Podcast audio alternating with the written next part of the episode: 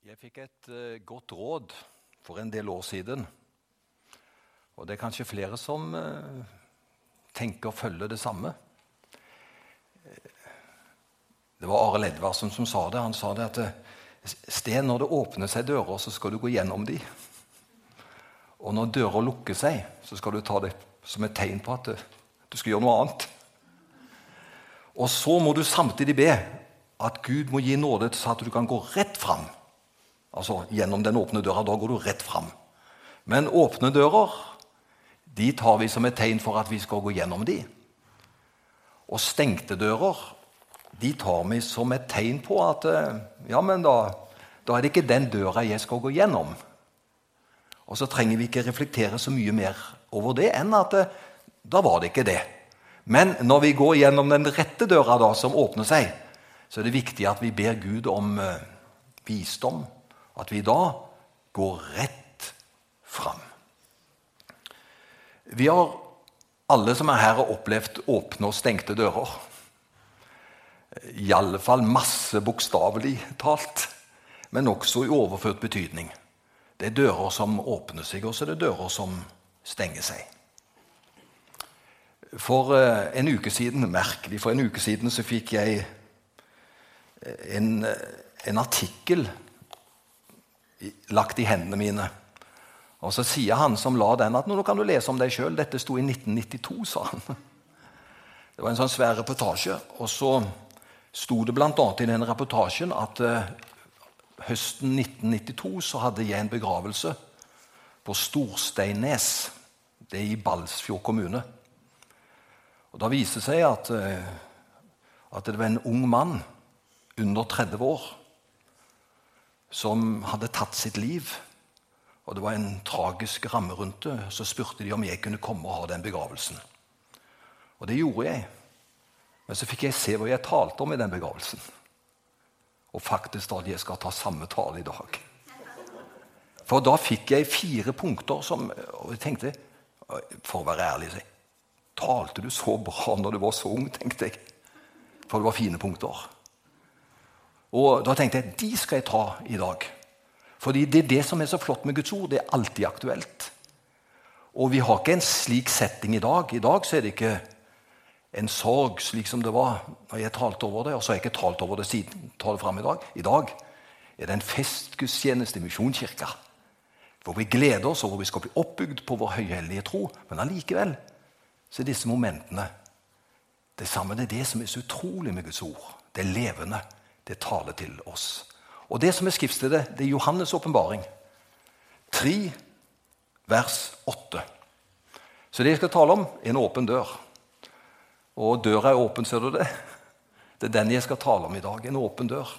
Og Da leser jeg det skriftstedet, eller deler av det skriftstedet Johannes' åpenbaring 3, vers 8. Jeg vet om gjerningene dine. Og bare la oss stoppe litt når vi ofte tenker på at han vet om gjerningene våre, så er det liksom at det, ja, det er utgangspunkt for å ta oss i neste omgang. ikke sant? For der er det sikkert noe å plukke på.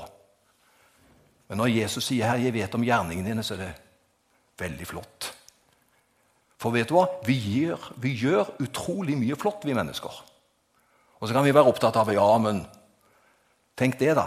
Jeg har bare lyst til å si du gjør mye godt. Og du har mange flotte gjerninger. Og så står det så fint 'Jeg vet om dine gjerninger'. Han har lagt merke til det.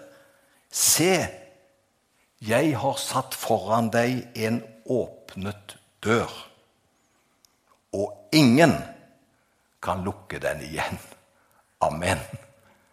Jeg har satt foran deg en åpen dør, og ingen kan lukke den igjen. Og Jeg er like glad for den siste setningen.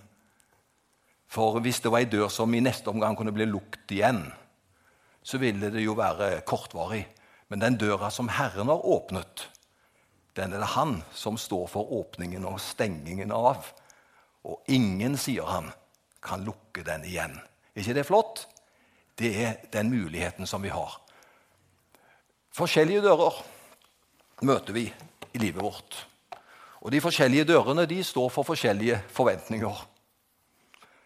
Eh, vi går eh, gjennom ei dør når vi skal begynne å studere, ta oss utdannelse.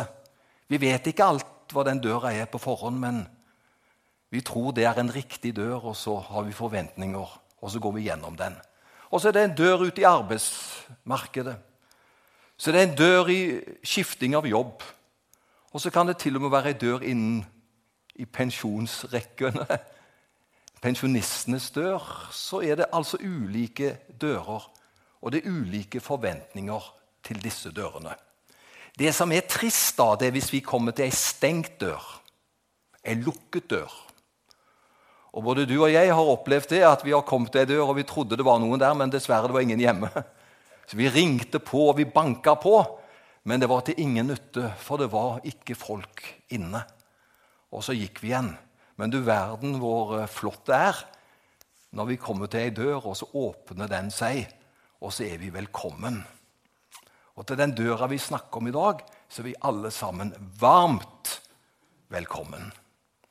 Og da er den første tingen jeg tenkte på, som jeg vil uh, si er flott, som jeg kaller den åpne dør, den kaller jeg for evangeliets dør. Evangeliets dør.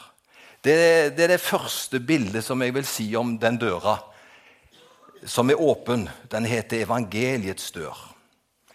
Evangeliet betyr godt budskap.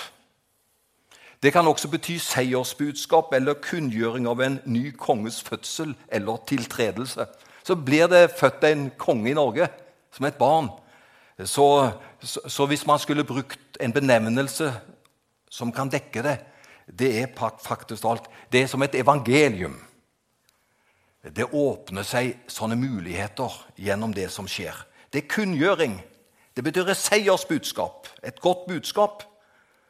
Og Jesus kalte sitt budskap for evangeliet etter gledesbudskapet for de fattige. Og Da har jeg bare lyst til at vi skal lese Lukas 4, 18-19. For der, der bruker Jesus selv ordet evangelium på det han skal gjøre. Da kommer Jesus vet du, til synagogen i Nasaret. Og så står det i vers 18 og 19.: Herrens ånd er over meg. Han har salvet meg til å forkynne evangeliet for de fattige.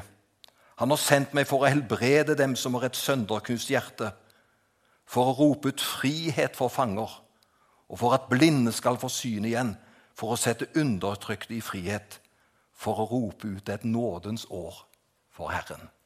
Det var det Jesus startet med, og det var det han gjorde. Han kom med evangeliet. Og det nådesbudskapet det er et nådens år ifra Herren. Og når du hørte alt det gode som skjer i forbindelse med evangeliet Mennesker ble løst, de fattige blir satt fri, de som er i vanskeligheter, får hjelp. Det er det som er evangeliet.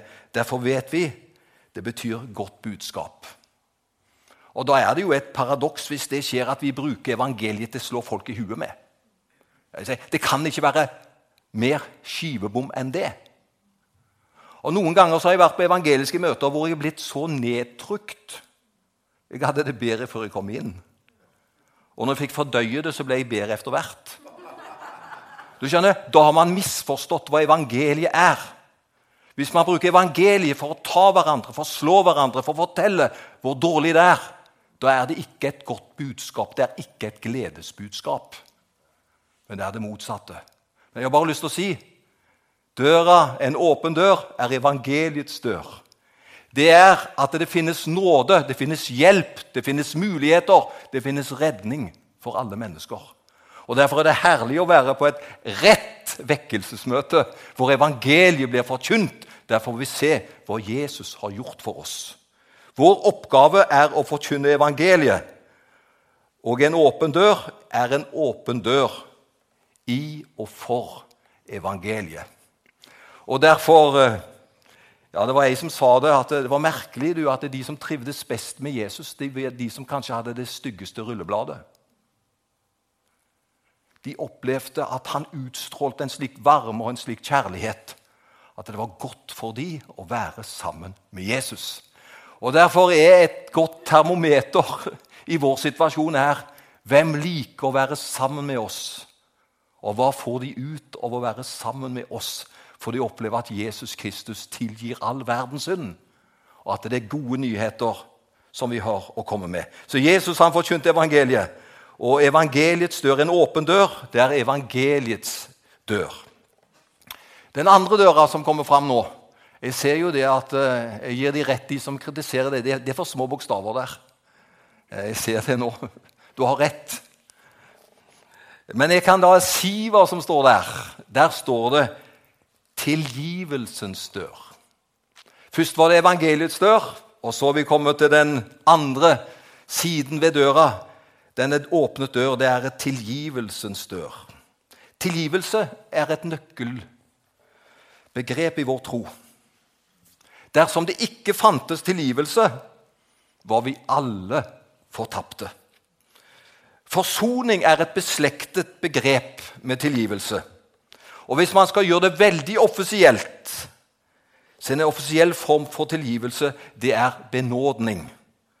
Da har man fått satt sluttstrek over det som har vært, og man har fått en ny start. Man er blitt benådet. Men vi bruker ikke sånne høytidelige ord. Men vi kaller det for tilgivelse, og tilgivelse er ikke for 70% av våre synder. Tilgivelse er for dem alle. Tilgivelse, det er for alle. Jeg var på et møte her i distriktet. og Da øh, fikk jeg et vitnesbyrd om en som har vært meddommer i tingretten i Sandnes i åtte år. Og øh, som øh, lekdommer da, så var han i mange rettssaker. Men plutselig en dag så sperret han øynene, for han hadde ikke vært i retten hvor dommeren hadde sagt noe slik før. Det var en ungdom som var der, og dommeren han var moden. Han hadde vært med i dette lenge, så han skjønte at eh, den stakkars ungdommen han må vi redde. At ikke han skal på en måte komme inn i en, en kriminell verden og hvor på en måte det skulle bli så ille for han. Så når eh, forhandlingene startet der, så startet dommeren rettsmøtet å si, og alle var på plass, og der satt den skyldige. Så sier han til han, så lenge rettsprotokollen ikke er åpnet, og du forteller sannheten, så blir det ikke noen dom som kan felle deg. Du er en fri mann. Sannheten setter deg fri. Jeg har nemlig fullmakt som er har gitt som dommer til å løse den saken. Men det krever, sa dommeren, at du er 100% ærlig. Og da fortalte ungdommen sannheten. Det ble hans redning, og han fikk ingen dom. Det er sannheten som setter oss fri. Og det er tungt å bære på ting man har gjort som man ikke tør eller vil bekjenne. Derfor er det en sånn en grunnleggende sak i den kristne troen og i vårt liv. Det er sannheten som setter oss fri. Det andre kan vi leve med, men vi lever ikke godt med det. Det er sannheten som er god å ha. Og så står det så fint at dersom vi bekjenner våre synder, så er han trofast og rettferdig, og han tilgir oss våre synder. Det står i 1. Johannes 1, vers 9. Dersom vi bekjenner våre synder, så tilgir han oss våre synder og renser oss for all urett. Du vet, Det er ikke bra når advokatene sier 'ikke si mer enn du trenger å si'. Du blir aldri fri med det. Du kan kanskje vinne en sak, men skal vi virkelig få frihet, så må vi bekjenne. Da får vi en ny start, og da får vi starte. Og det er det som er evangeliet. Det er full av tilgivelse. Og vi trenger det daglig. De beste trenger det kanskje bare annenhver uke. Men jeg, jeg, trenger tilgivelse hver dag. Og så er det så godt at du får tilgivelse. Jesus, kan du tilgi der? Der sa jeg noe dumt. Der tenkte jeg noe dumt. Der oppførte jeg meg som jeg kanskje ikke skulle. Kan du tilgi meg? Og vet du hva? Jeg får tilgivelse med en gang. Det er det som er så flott. Får tilgivelse. Det ble ikke satt betingelse til det. Han bare tilgir oss. Og så er det så fantastisk. Du får god samvittighet, og du kan løfte hodet og du kan gå videre. Og Det er viktig at vi benytter oss av disse mulighetene. Og den døra som er så viktig i vårt liv, i alle relasjoner, med våre medmennesker osv., det er tilgivelsens dør. En åpnet dør er tilgivelsens dør. Og så har vi en dør til. Jeg skal hjelpe deg med hva som står der. Det er håpets dør. Der står det 'håpets dør'. Håpet knytter oss til den evige verden. Jeg har hørt om det tilfellet, vet jeg ikke, men jeg har hørt, og det er en god historie iallfall. Da Columbus dro til Amerika, så trodde folk i Spania at deres kystlinje markerte verdens ende. Mottoet på deres våpenfabrikker var 'Det er ikke noe bortenfor'. De trodde at grensa var, verdens grense var der hvor de hadde til, så de sa 'det er ikke noe bortenfor'. Etter at Columbus hadde returnert til Spania, måtte mottoet forandres til 'det er mere bortenfor'. Og faktisk talt, det er mye mer bortenfor enn vi aner. Og faktisk talt, det gledelige midt i en nyreligiøs tid Det gledelige er det mange som ser. Det er mye bortenfor. Og det er en lengsel hos mennesker til det som er mer enn det som er rundt oss. Fordi det er mer som er bortenfor. Og nå eh, syns jeg at vi skal gjøre noe. Jeg har konferert litt med Ingrid her at uh, dette er jo et annet møte. Skal vi en annen preken, så nå skal vi synge et vers, og så går jeg videre i talen. går det greit det? For den passer så flott. Jeg kan kanskje lese verset. Nåde for synder og fred uten like. Mesterens omsorg til støtte og stav. Og så står det styrke for dagen og håp for i morgen. Signing for barnet som Gud tar seg av. Det er håp vi snakker om, og nå kan vi synge om det. Så synger vi med. Stå der, du, og så er vi med.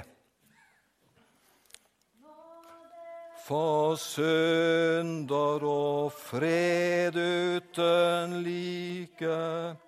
Mesterens sak til støtte og stav. Segning for barn og håp for i morgen. Segning for barnet som Gud tar seg av. Stor er din trofasthet, stor er din Dag efter dag av ei nåde på ny. Himmelske hender gir alt jeg behøver. Trofaste Herre, hos deg har jeg lyd. Styrke for dagen og håp for i morgen. Det er vel ei fantastisk dør. Det er håpets dør, det. I Efeserne 2 så leser vi om vår situasjon før vi fikk dette håpet inn i vårt liv. Efeserne 2, 12 og 13. Der står det slik.: Husk at dere på den tiden var utenfor Kristus, utestengt for Israels borgerskap og fremmede for løftets pakter. Dere hadde ikke noe håp og var uten Gud i verden. Kan du tenke deg noe så fortvila? Dere hadde ikke noe håp og var uten Gud i verden. Men i Kristus Jesus er nå dere som var langt borte, kommet nær ved Kristi blod. Og Det er det som er så utrolig med evangeliet. Vi hadde ingen muligheter i oss sjøl. Vi hadde ikke noen hva skal jeg si, et, eh, hva skal jeg si, genetiske fordeler heller. For vi tilhørte ikke engang jødefolket. Vi var helt utestengt. Vi var uten all rett i framtida. Men så gjorde han, vi som var langt borte, Vi kom nær ved ved Kristi blod. Og så har vi fått et evig håp. Og det må jo være noe av det sterkeste som vi kan oppleve som mennesker. Det å gå gjennom håpets dør. Du vet at Vi kjenner godt til ordtaket 'så lenge det er liv, er det håp'. Jeg tror det var Per Arne Dahl, biskopen, som sa det. Jeg forandrer det der. Jeg, sa Så lenge det er håp, er det liv. Og Det er sant, det, det er håpet som definerer oss. Det er ikke så lenge det er liv, er det håp. For en dag så stopper jo livet.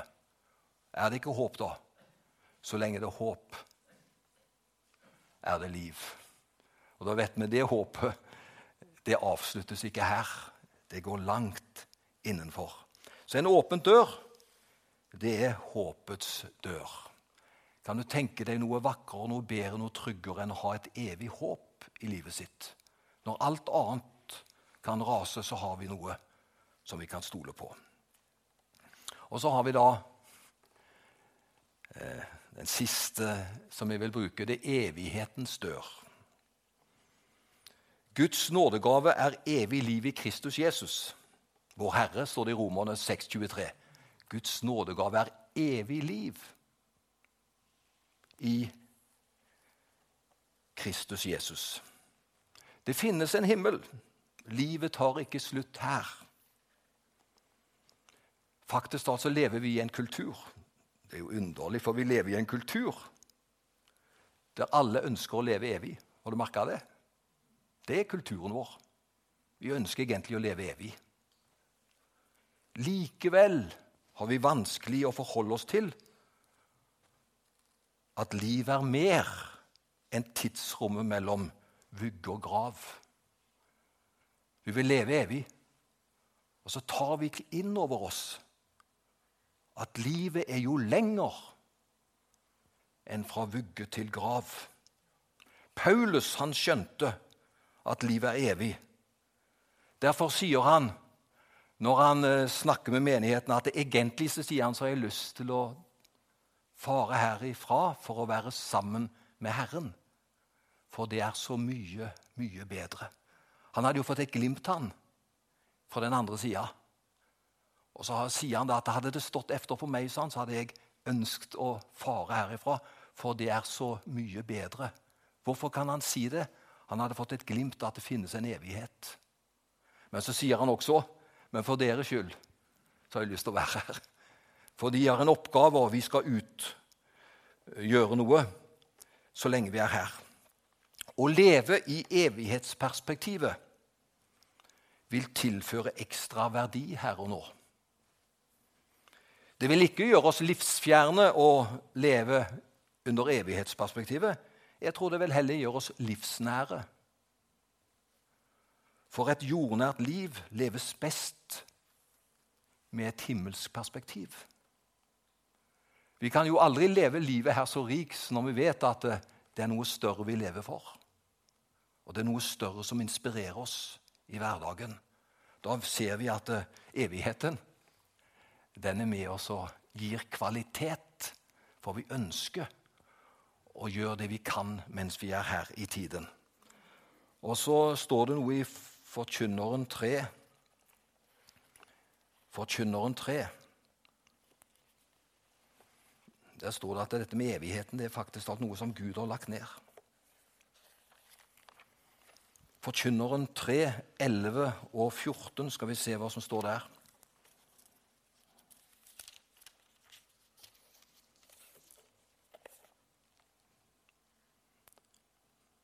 Alt har han gjort vakkert i sin tid.